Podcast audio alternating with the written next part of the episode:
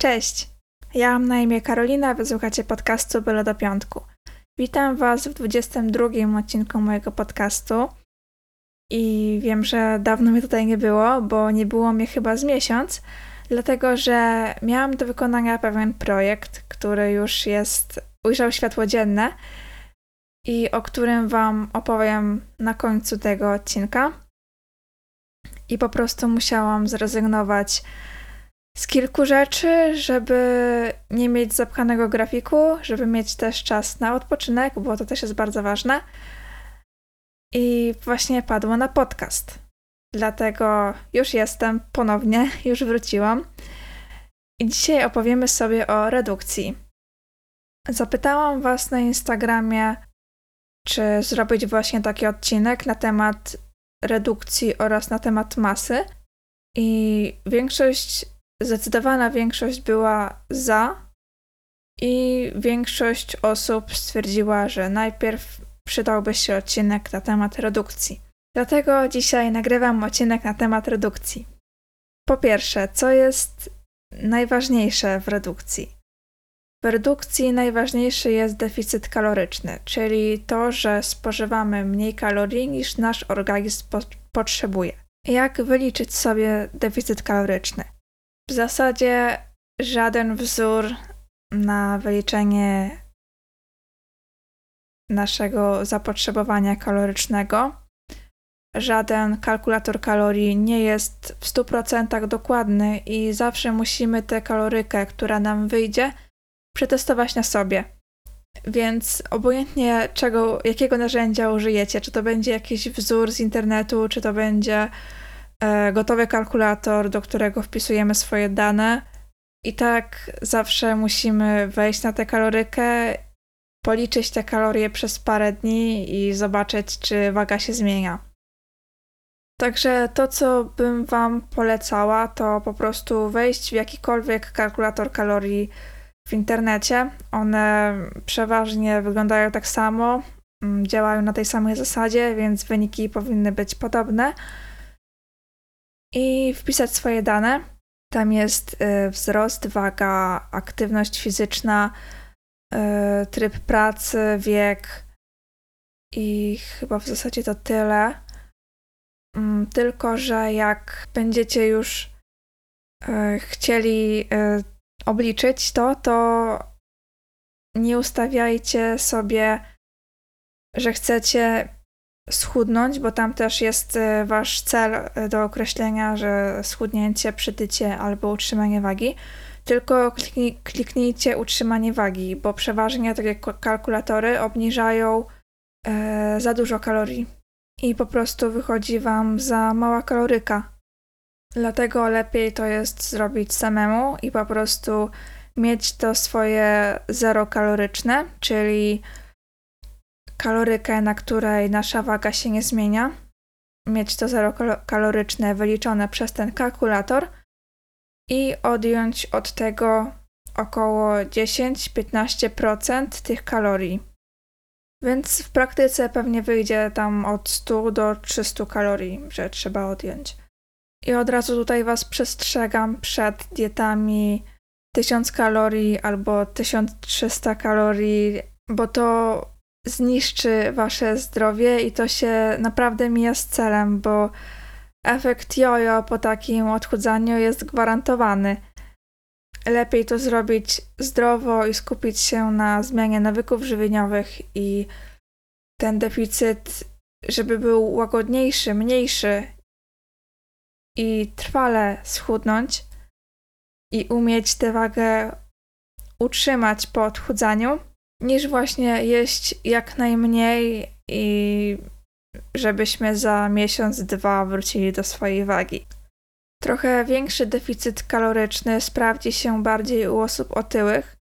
One są zazwyczaj bardziej odporne na ten deficyt i nie oznacza to to, że one nie będą chudłe na deficycie, tylko po prostu one lepiej znoszą ten deficyt, nie odczuwają takich negatywnych skutków które odczuwałyby osoby, które mają do zrzucenia tylko kilka kilogramów. Oczywiście dieta tysiąca kalorii też się u nich nie sprawdzi, też jest niezdrowa, ale po prostu możemy sobie pozwolić na trochę większy deficyt kaloryczny niż u osoby mm, z prawidłową masą ciała albo z lekką nadwagą. I od razu chciałabym tutaj poruszyć drugi mit y, żywieniowy, który dotyczy chudnięcia z konkretnej partii ciała, bo często słyszę, jak dziewczyny, mm, albo może też i chłopcy, ale głównie słyszę to od dziewczyn, które pytają mnie, jak schudnąć z brzucha, jak mieć płaski brzuch. No, odpowiedzią jest po prostu deficyt kaloryczny. Musisz schudnąć ogólnie z całego ciała. Nie da się schudnąć z konkretnej partii ciała. I żadne brzuszki wykonywane codziennie nie za bardzo coś tutaj zmienią. Jasne, ten brzuch może trochę lepiej wyglądać, ale mm, te mięśnie są zasłonięte przez tłuszcz, który trzeba po prostu spalić, żeby te mięśnie odsłonić, żeby ten brzuch był płaski. Dlatego zadbajcie o to, żeby być w tym deficycie kalorycznym. Ćwiczcie brzuch 2-3 razy w tygodniu i po prostu bądźcie cierpliwe, bo najczęściej tłuszcz z brzucha schodzi najwolniej. Najczęściej jest to taka oporna partia ciała, która mm, schodzi jako ostatnia, która odsłania się jako ostatnia podczas redukcji. I to samo jest na przykład z wewnętrzną częścią uda. Kiedyś była modna taka y, szpara pomiędzy nogami. Teraz już jest chyba trochę mniej modna, ale dalej y, często słyszę pytania, jak y, wyszczuplić tę część nóg. No i właśnie odpowiedź jest taka sama: deficyt kaloryczny. I chociaż kalorie i ten deficyt kaloryczny są najważniejsze, żeby schudnąć, to bardzo ważne są też makroskładniki, rozkład makroskładników, ponieważ on przyczynia się do tego, czy odczuwamy sytość po posiłku, czy czujemy się głodni w ciągu dnia, e, czy mamy energię w ciągu dnia, czy czujemy się ospali. Dlatego to też jest bardzo ważna kwestia.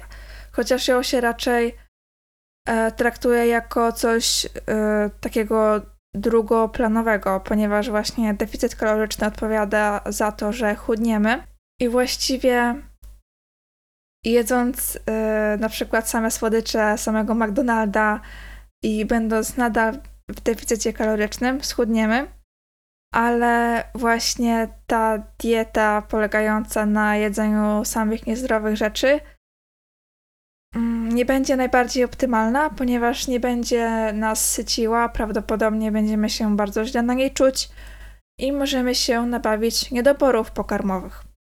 Wyróżniamy trzy makroskładniki. Jest to białko, tłuszcze i węglowodany. Jest również czwarty makroskładnik, którego raczej nie uwzględnia się w codziennej diecie, bo jest to alkohol. Dlatego między innymi i raczej wpisując jakieś produkty do fitatu nie znajduje się tam mm, kolejny y, pasek z alkoholem, z tego ile tego alkoholu spożyliśmy, tylko jest właśnie podział na białko, tłuszcze i węglowodany. Ile powinniśmy jeść białka? Białko przeliczamy na gramy na kilogram masy ciała. Najlepiej na redukcji jeść, jeść go od 1,8 grama do 2 gramów na kilogram masy ciała, ale możemy również jeść go na przykład 2,5 grama na kilogram masy ciała. Nic, nic nam się na pewno nie stanie, o ile nie mamy problemów z nerkami, ponieważ właśnie białko może szkodzić osobom, które mają problemy z nerkami, ale jeśli mamy je zdrowe, to nic nam nie grozi. Następnie wyliczamy ilość tłuszczu.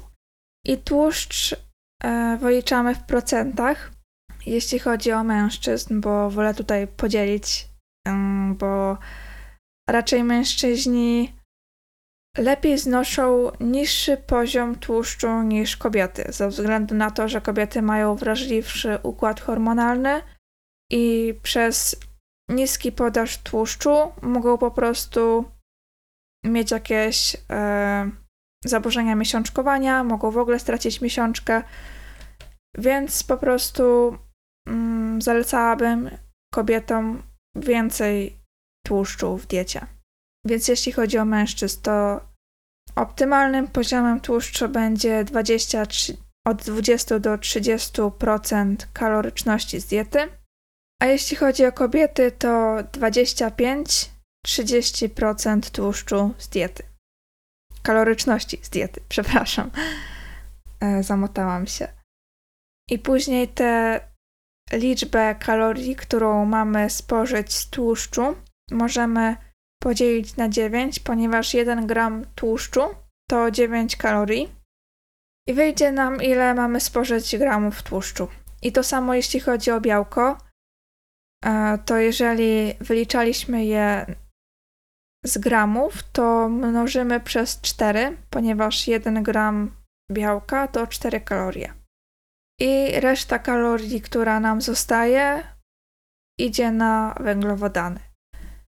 I węglowodany również mają 4 kalorie w jednym gramie, więc te pozostałe kalorie mnożymy przez 4 gramy i mamy liczbę, e, ile gramów węglowodanów musimy spożyć. Ale jest takie ułatwienie jak na przykład Fitatu, która jest aplikacją do liczenia kalorii i tam możemy sobie po prostu wpisać e, procentowo na przykład albo konkretne jakieś wartości, ile mamy spożyć e, tych makroskładników. Jeśli chodzi o liczenie kalorii, to nagrałam podcast na temat tego, jak zabrać się za liczenie kalorii, jak się tego nauczyć. Jest to praktyczny poradnik. Krok po kroku omawiam to, jak się wpisuje produkty do aplikacji, podaję swoje tipy. Także jeżeli planujecie liczyć kalorie, to serdecznie zachęcam, bo jestem naprawdę zadowolona z tego odcinka. Myślę, że nauczycie się na podstawie niego dużo rzeczy. No to kwestię diety mamy omówioną, więc teraz kwestia treningu. Pytanie jest, czy trzeba ćwiczyć, żeby schudnąć? Odpowiedź brzmi: nie trzeba ćwiczyć, żeby schudnąć. Wystarczy sama dieta. Ale, zawsze musi być to ale. Jeżeli będziecie ćwiczyć, tym bardziej jeżeli będziecie ćwiczyć siłowo, to wasza sylwetka będzie bardziej kształtna, ciało będzie jędrniejsze oraz schudniecie bardziej z tłuszczu niż z mięśni. Po prostu zachowacie więcej mięśni na redukcji niż jakbyście redukowali bez ćwiczeń. Dodatkowo trening siłowy albo jakiś, jakaś inna forma ruchu, jakakolwiek, może być nawet spacer, pogłębia deficyt kaloryczny. W sensie spala kalorie, więc jeżeli już jesteśmy w deficycie kalorycznym, to dodatkowo go pogłębiamy. Że na przykład y, mamy deficyt rzędu 200 kalorii, a jeszcze na przykład pójdziemy na rolki albo na rower i spalimy 100 kalorii, więc już mamy deficyt 300 kalorii. Także yy, polecam po prostu jak najwięcej się ruszać. Nie musi być to trening siłowy, chociaż yy, gorąco do niego zachęcam, bo jest naprawdę zajebisty. Yy, ale może być to jakakolwiek forma ruchu. To, co Wam sprawia radość po prostu. Bo najważniejsze jest, żeby sprawiało nam radość to, co robimy, bo wtedy łatwiej nam jest to robić, łatwiej nam robić to regularnie, łatwiej nam w tym wytrwać. E, jeszcze przypomniała mi się jedna kwestia a propos diety, ponieważ e, sporo osób pyta się, czego nie jeść na redukcji, a co jest dobre na redukcję.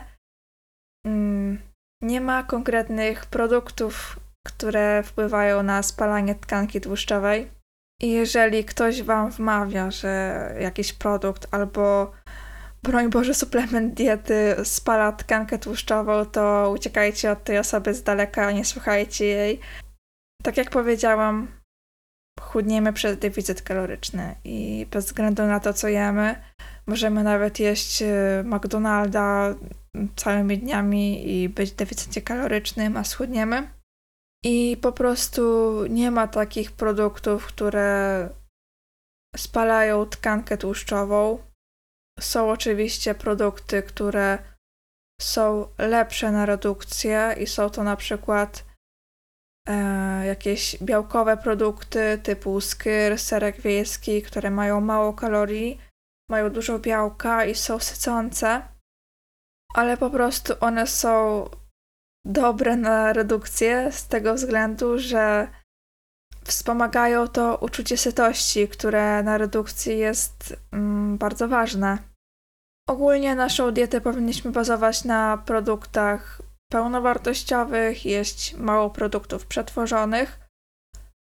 Od czasu do czasu możemy sobie oczywiście na nie pozwolić, bo to będzie nawet zdrowe dla naszej głowy i nie spowoduje jakichś napadów na jedzenie, kiedy już yy, będziemy sobie je odmawiać przez y, parę dni albo parę tygodni. Także polecam po prostu liczyć kalorie i bazować na produktach pełnowartościowych, być w deficycie, kalorycznym, obserwować tę wagę, ważyć się na przykład co tydzień, co dwa tygodnie. I jeżeli nie spada, to możemy dopiero obniżać kalorie.